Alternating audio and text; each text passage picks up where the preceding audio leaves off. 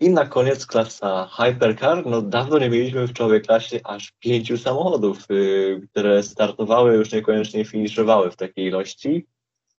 Y, Przepraszam bardzo, nie finisz... Przepraszam bardzo, nie finiszowały w ilości pięciu samochodów, bo finiszowały cztery.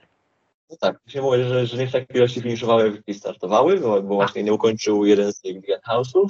Yy, natomiast drugi z nich ukończył yy, w pierwszej trójce klasy Hypercar, ale to nie była pierwsza trójka ogólnej klasyfikacji wyścigu. Ale chyba i tak myślę, że to jest całkiem przyzwoity wynik, nie uważasz? No tak, skoro zaczynamy od Glickenhausa, to ja przepraszam bardzo, ja muszę wziąć wdech. Glickenhaus pojechał po prostu cudownie dzisiaj.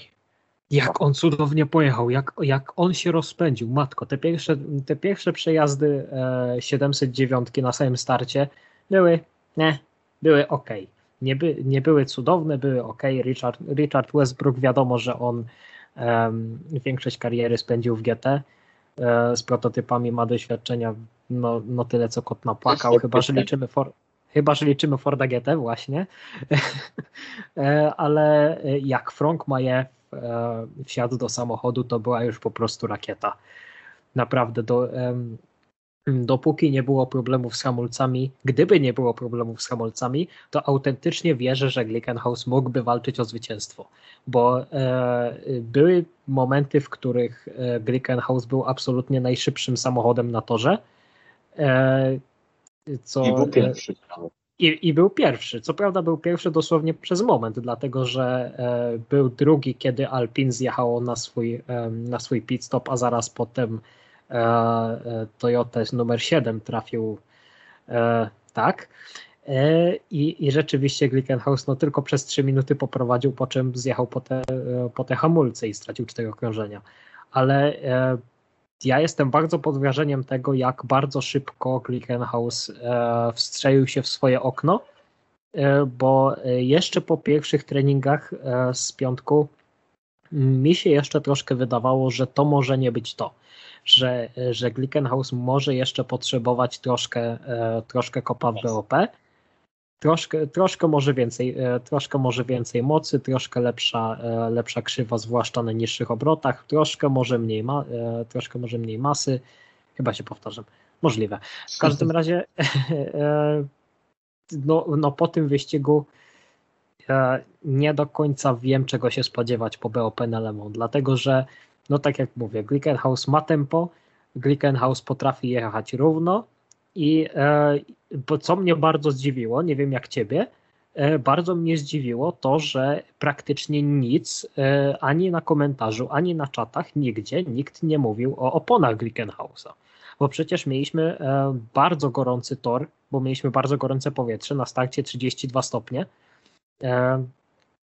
Także a asfalt, był, asfalt był bardzo no. gorący, e, a, e, a Glickenhaus przecież w Portimao żarł opony jak, e, jak gruba spączki, także ja się spodziewałem, że na Moncy będzie jeszcze gorzej, no bo jednak Monca jest torem szybkim i, i, i dość mocno obciążającym opony, zwłaszcza w, zwłaszcza w Lesmo i w parabolice.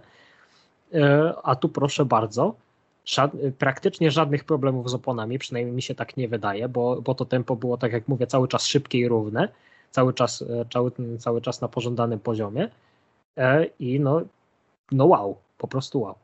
No właśnie, a jak wyglądało tempo na double stincie, na, na drugim zjeździe, na drugim przejeździe, na danym komplecie opon, bo to jest coś, e, przed czym przestrzegał Jim Glickenhaus, gdy homologował samochód po testach na Aragon, że podobno to, drugie, to tempo na tym drugim przejeździe, na danym komplecie może być właśnie problemem, no, że wtedy opony już nie są aż tak w dobrym stanie u nich i to tempo wtedy jest podobno porównywalne z LMP2, co mogło stanowić zmartwienie, a dziś no, czyste tempo było piękne.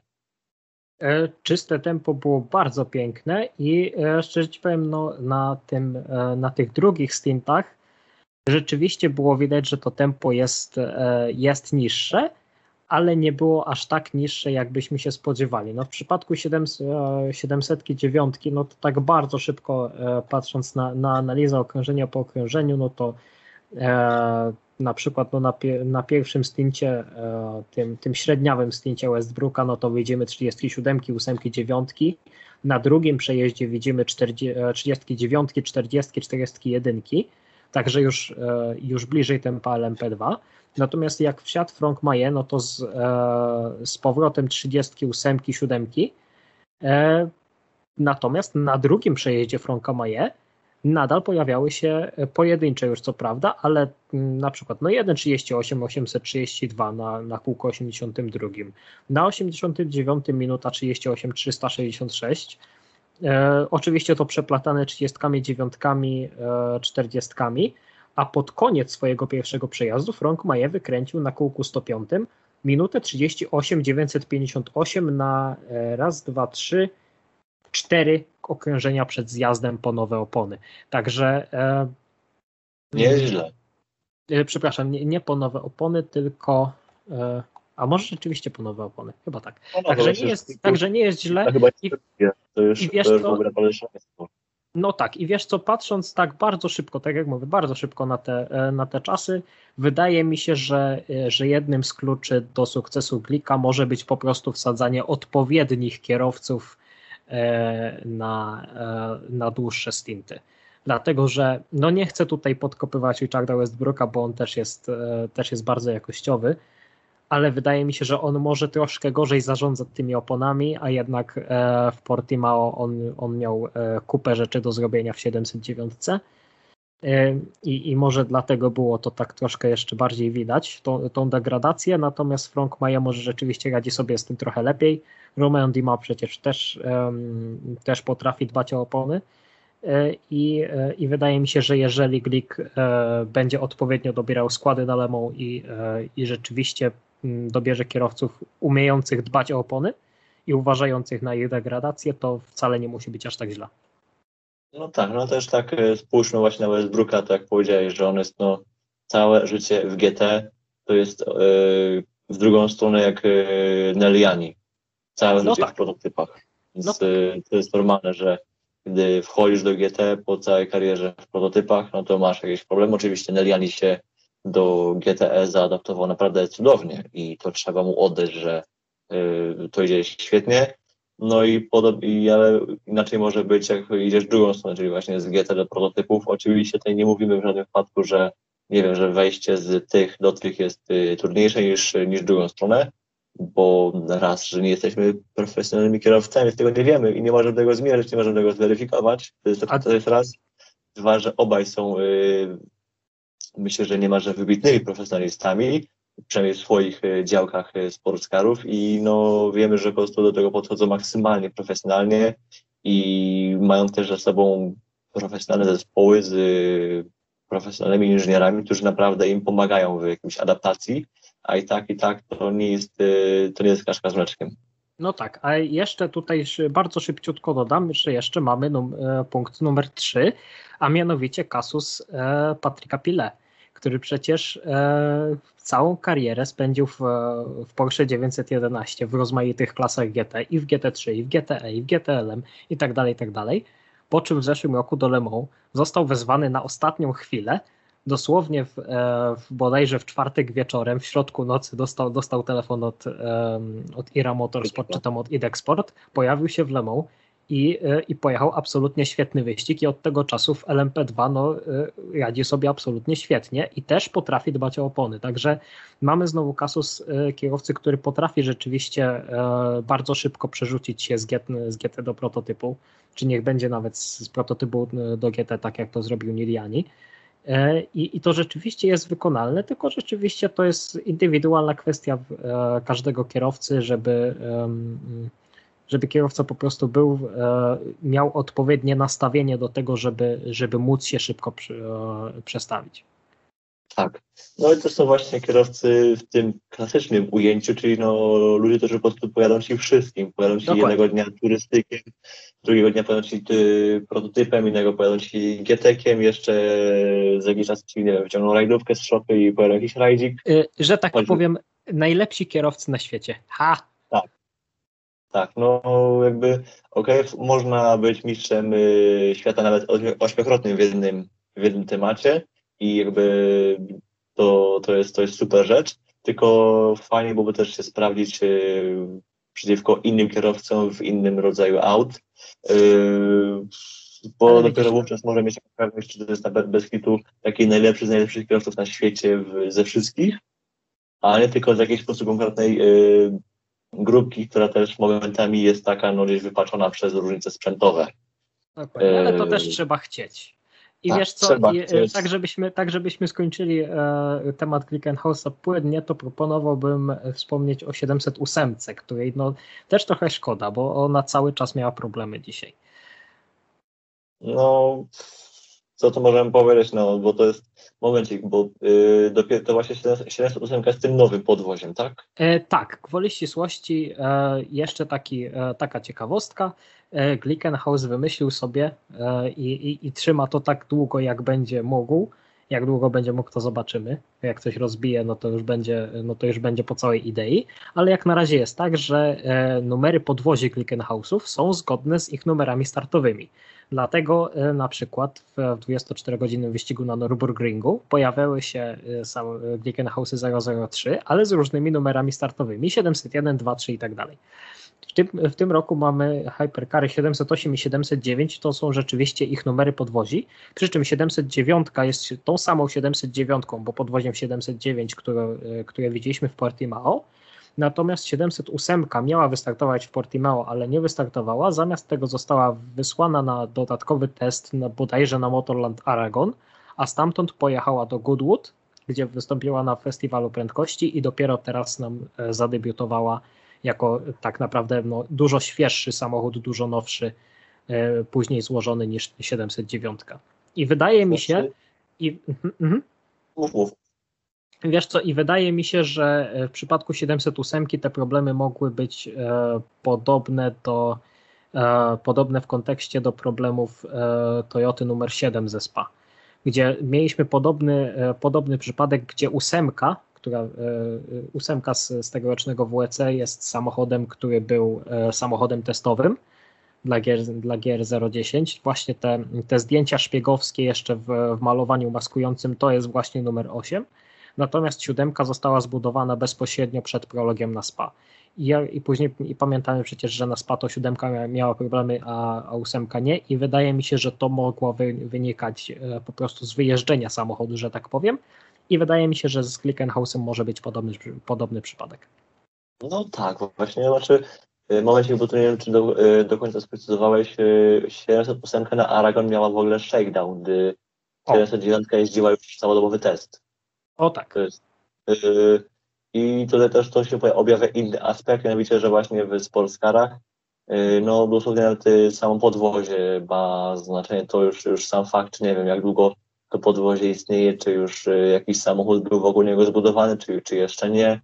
Mm, w F1 to też ma znaczenie, ale do tego się aż takiej wagi nie przywiązuje, przynajmniej tak, y, przynajmniej tak przez dziennikarzy, przez tych, którzy po prostu jakoś tam próbują ten sport rozłożyć na, ten, na czynniki pierwsze, po prostu dla nich, dla nich są, nie wiem, dwa, dwa samochody i większość y, dziennikarzy po prostu podchodzi do tego, że że są w pełni równe, że szasi jedno drugiemu jest równe i ten i nie ma, że co, nie ma na co tutaj zwracać no, uwagi. Otóż wiesz, no bo, no bo specyfikacja, no sorry, no bo specyfikacja na pewno jest równa, tak. tylko że oczywiście, tak jak mówisz, może się różnić jakość wykonania, może różnić się zmęczenie materiału, mogą, mogą, może różnić się spasowanie elementów i tak dalej, i tak dalej. E, z pod, jakość podłączenia, przykręcenia e, elementów zawieszenia czy, czy innych podzespołów to są po prostu detale, które rzeczywiście decydują o tym, czy, czy dane podwozie się do czegoś, że tak powiem, nadaje, czy nie. A w sportskarach to, to jest, tak jak mówisz, jeszcze bardziej widoczne, dlatego że w trakcie 24-godzinnego Le Mans w ciągu doby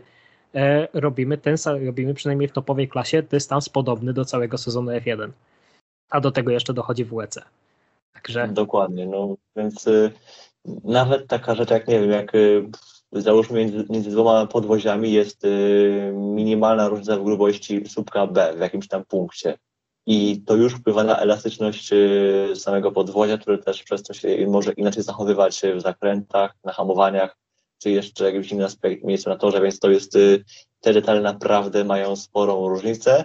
Y, no dobra, mówiliśmy o Toyocie, co tu właśnie możemy powiedzieć o moich niezawodności dzisiaj? E, możemy powiedzieć, e, wydaje mi się z całą pewnością, że e, mamy w końcu to, czego, co chcieliśmy mieć w trakcie super sezonu, czyli moment, w którym wszystko jest na tyle równe, że jeżeli Toyoty mają problemy, no to Toyoty mają problemy i, i tak. muszą zacząć cisnąć. A jak Toyoty muszą zacząć cisnąć, to chyba wszyscy pamiętamy, co się działo, jak, to, jak w LMP1H były, było jeszcze Audi i było jeszcze Porsche.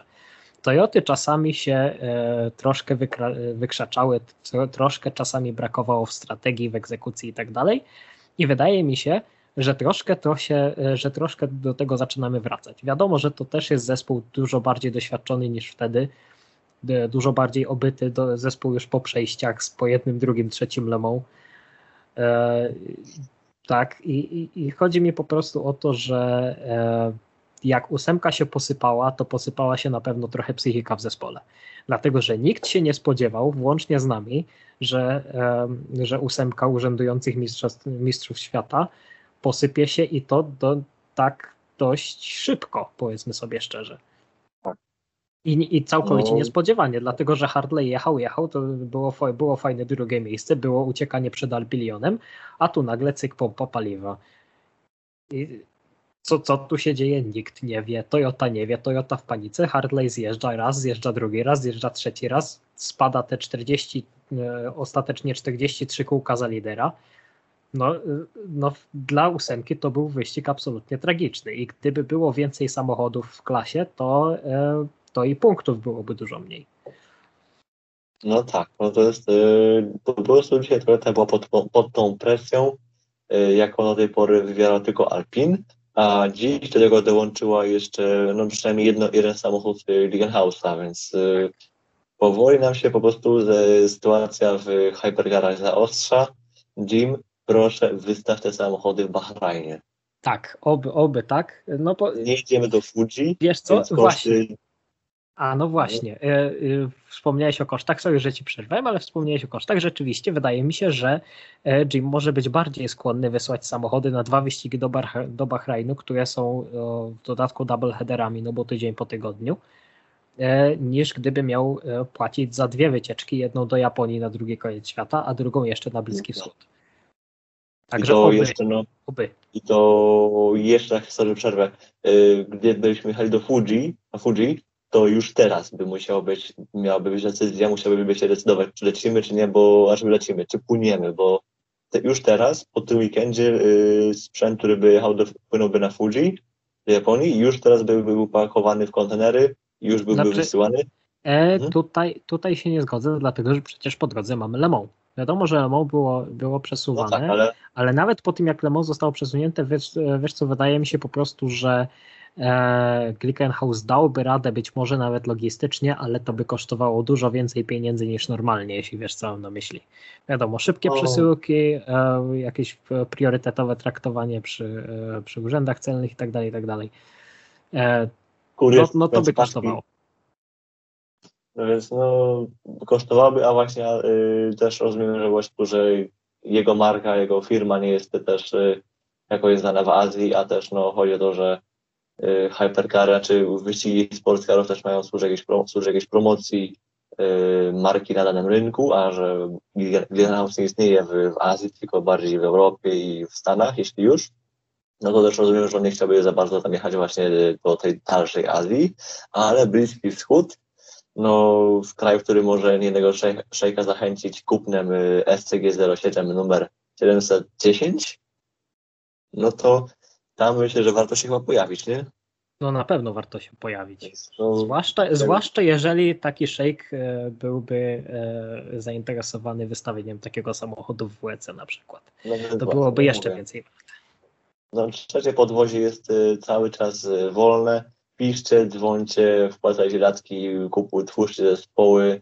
Chcemy zobaczyć trzeciego Glickenhausa w WEC choćby za rok. No i też hej, no Y, jako że Noglik jest zgłoszony na pełny sezon, no to też y, daje mu to szansę powalczenia o jakieś punkty, znaczy o jakąś wyższą pozycję w, w, wśród, wśród załóg, no bo może się okazać, że nawet nie będzie czwarty, piąty, a może trzeci, piąty, więc zawsze no o coś można walczyć. No właśnie, a na 100 tysięcy subów Jim ściągnie kapelusz. Tak. Wiesz co, e, wiesz co, bo my cały czas skaczemy po Toyocie, co prawda tylko po ósemce, siódemkę tak trochę olaliśmy, mimo że wygrała wyścig, a jej, e, jej uwaga też się należy, dlatego że ona przecież też miała, e, też miała swoje przygody, przejściowe, bo przejściowe i takie no, no trochę paniko, panikarskie znowu. Nie wiem jak ty, ja wpadłem w panikę, jak zobaczyłem, że siódemka stanęła. Tak. E, I, i jest, no, takie, takie co się dzieje, że, że obie Toyoty że, że, że co tutaj się dzieje, że przecież no Alpilion ledwo zjechał, tutaj Glickenhaus na, na prowadzeniu, co tu się dzieje, łomatko, czyżby Glickenhaus celował w wygranie? No, no i później hamulce. Ale powiedzmy sobie szczerze, e, że gdyby załóżmy, że Glickenhaus tak czy inaczej musi zmienić hamulce, tak jak zmienił hamulce, ale załóżmy, że e, w Toyocie coś idzie źle że w Toyocie ten, ten restart się nie udaje, że on, że on nie zajmuje 20 sekund, tylko minutę. I rzeczywiście wychodzi FCY. I, że, i owszem, Alpilion wtedy nie odjeżdża tak bardzo, ale jednak odjeżdża. A skończyło się e, minutą i 908 tysięcznymi e, różnicy pomiędzy siódemką a, siódemką a Alpilionem na mecie. Także wydaje mi się, że e, po prostu gdyby, gdyby nie bardzo szybka reakcja zespołu i naprawdę trochę farta, że, e, że ten restart się udał i, i, i że e, później nie trzeba było jakoś specjalnie długo, dużo czasu spędzać na sprawdzaniu, czy wszystko jest ok z samochodem, to Toyota mogłaby mieć problem, żeby ten wyścig wygrać. No tak. I tym razem zauważmy, że tym razem liczba pit stopów, znaczy zjazdów w obu załogach była taka sama, czyli po tak. 7 Toyota i 7 razy Alpilion, więc tym razem nie mamy już argumentu, że no, że jak w Portimao dosłownie przegrali o jeden pit stop, no bo to była tak. minuta 8 sekund, czyli tyle, ile trwa właśnie pełny serwis w pit lane właśnie w Portimao. Tak tym razem to była minuta, ale już tym razem to wynikało po prostu właśnie z sytuacji na torze, tak. I e, no, z nie szczególnie, ale po prostu no, czym, może była minimalnie gdzieś. E, przy czym musimy wziąć jeszcze poprawkę na to, że siódemka właśnie zatrzymała się jeden dodatkowy raz po to, żeby e, sprawdzić, czy wszystko jest ok z samochodem właśnie po tym restarcie, a dwa jeszcze po drodze się okazało, że e, nie wiem, czy to było powiązane, czy nie było powiązane. E, w jakiś sposób siódemka przecież straciła prawą tylną oponę i wtedy ta tylna opona musiała zostać zmieniona, oczywiście w boksach i stąd ten dodatkowy postój. Ale nawet gdyby tego nie brać pod uwagę e, i tego, że, e, że siódemka zyskała dodatkowe 20, e, no niech będzie 15 sekund na, na ostatnim FCY w ciągu ostatnich pół godziny, kiedy Alpirion podobnie jak piekarze zjechał, na, zjechał przy zielonej fladze, a Toyota podobnie jak RTN numer 29 zjechała pod, pod FCY, to też trochę zyskała. E, nawet odliczając to, no to na torze e, jeszcze biorąc poprawkę na, na jednego safety cara, który zresetował, e, zresetował odstępy pomiędzy samochodami, na torze Alpilion stracił może 35, może 40 sekund. Niech będzie nawet 45. W ciągu 6 godzin, przeliczając to na, na Le Mans, no to masz 4 razy 4 razy 45, no to to jest 180 sekund, czyli 3 minuty, czyli niecałe jedno okrążenie. No to niech będzie jedno pełne. To nie jest no wcale dużo na całą dobę, na całą dobę no jazdy. No to jeśli z kolei pomnożymy sobie razy 3 stratę Alpiliona do, Toy do Toyoty w Portimao, to też wychodzi niecałe, no jedno okrążenie. Więc Dokładnie.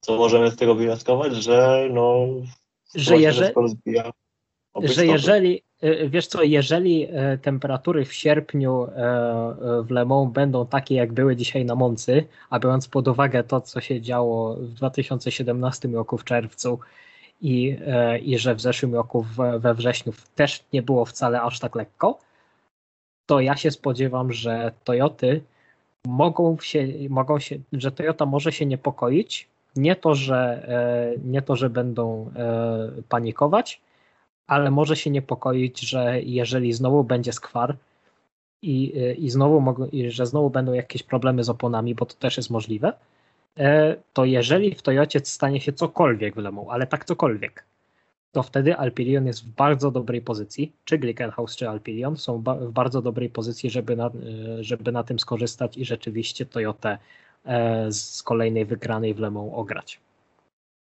No tylko, że z drugiej strony, jeśli Alpilionowi się stanie cokolwiek, no to on już nie ma drugiego auta. No tak. Może będzie miał za rok. Może, może. Może.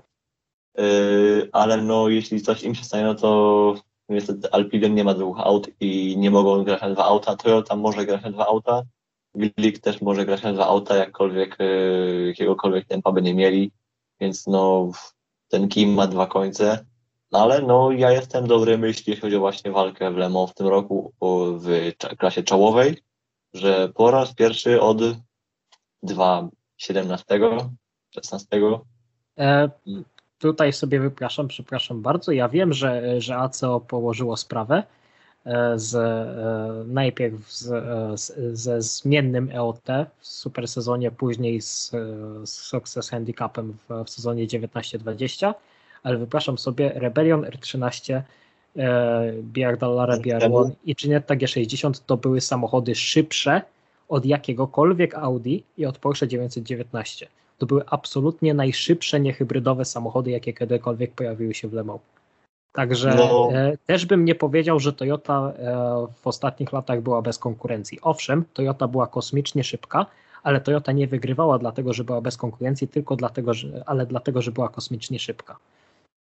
No tak, no a też właśnie pewną różnicę zrobiło to, że Michelin przygotowało inne przednie opony, znaczy specjalną konstrukcję przednich opon, tak, tak, tak która też będzie pasowała y, niehybrydowym pojedynkom, bo też nie zapominajmy, że y, ta hybryda mm, bardzo pomagała właśnie Toyotom w chłodniejszych warunkach, w chłodniejszych wyścigach, w nocy też pomagała, gdy było troszkę chłodniej, no i dopiero właśnie gdzieś od tego sezonu, sezon 19-20 Y, te samochody faktycznie mogły być tak w miarę jakoś porównywane, porównywalne, mimo tego, że jeden ma hybryda, drugi nie ma.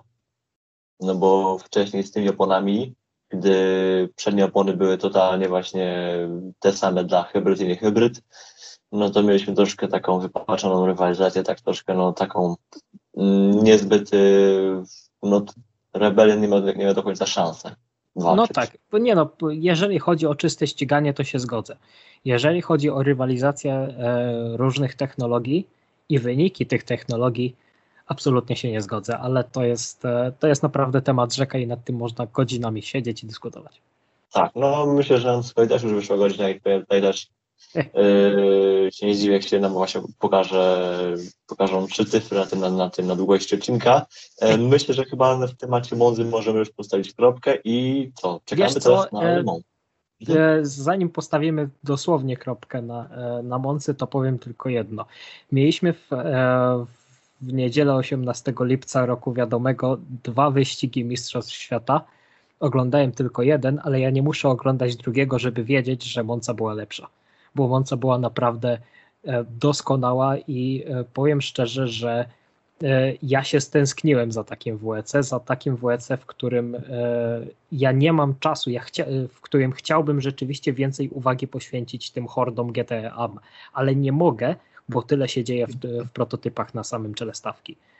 Naprawdę znaczy, stęskniłem się na takim, za takim WEC i ja chcę więcej. Na pewno trzeba powiedzieć, że była na pewno czystsza rywalizacja i było mniej kwasu na morzu. No, tak. Oczywiście, znaczy z mojego subiektywnie powiem, że i tu i ty byłoby były momentami, że po prostu było cudownie było nieprzewidywalnie, ale na Monzy było mniej kwasu, była to po prostu taka rywalizacja, taka rywalizacja tak, z takim duchem y, fair play. No i też kibice też myślę, że bardziej dopisali na Monzy jednak niż, Oj, niż a gdzieś tam na, na A kibiców było dużo, dlatego że bilety wyprzedały się na pniu. Nie pamiętam dokładnie jaka była pojemność dozwolona, ale naprawdę bilety wyprzedały się na pniu ale chyba 6 dych mogło, mogło wejść pewnie. Chyba tak. Więc, no więc to i tak jest naprawdę sporo, całkiem sporo, nawet jak na Monze.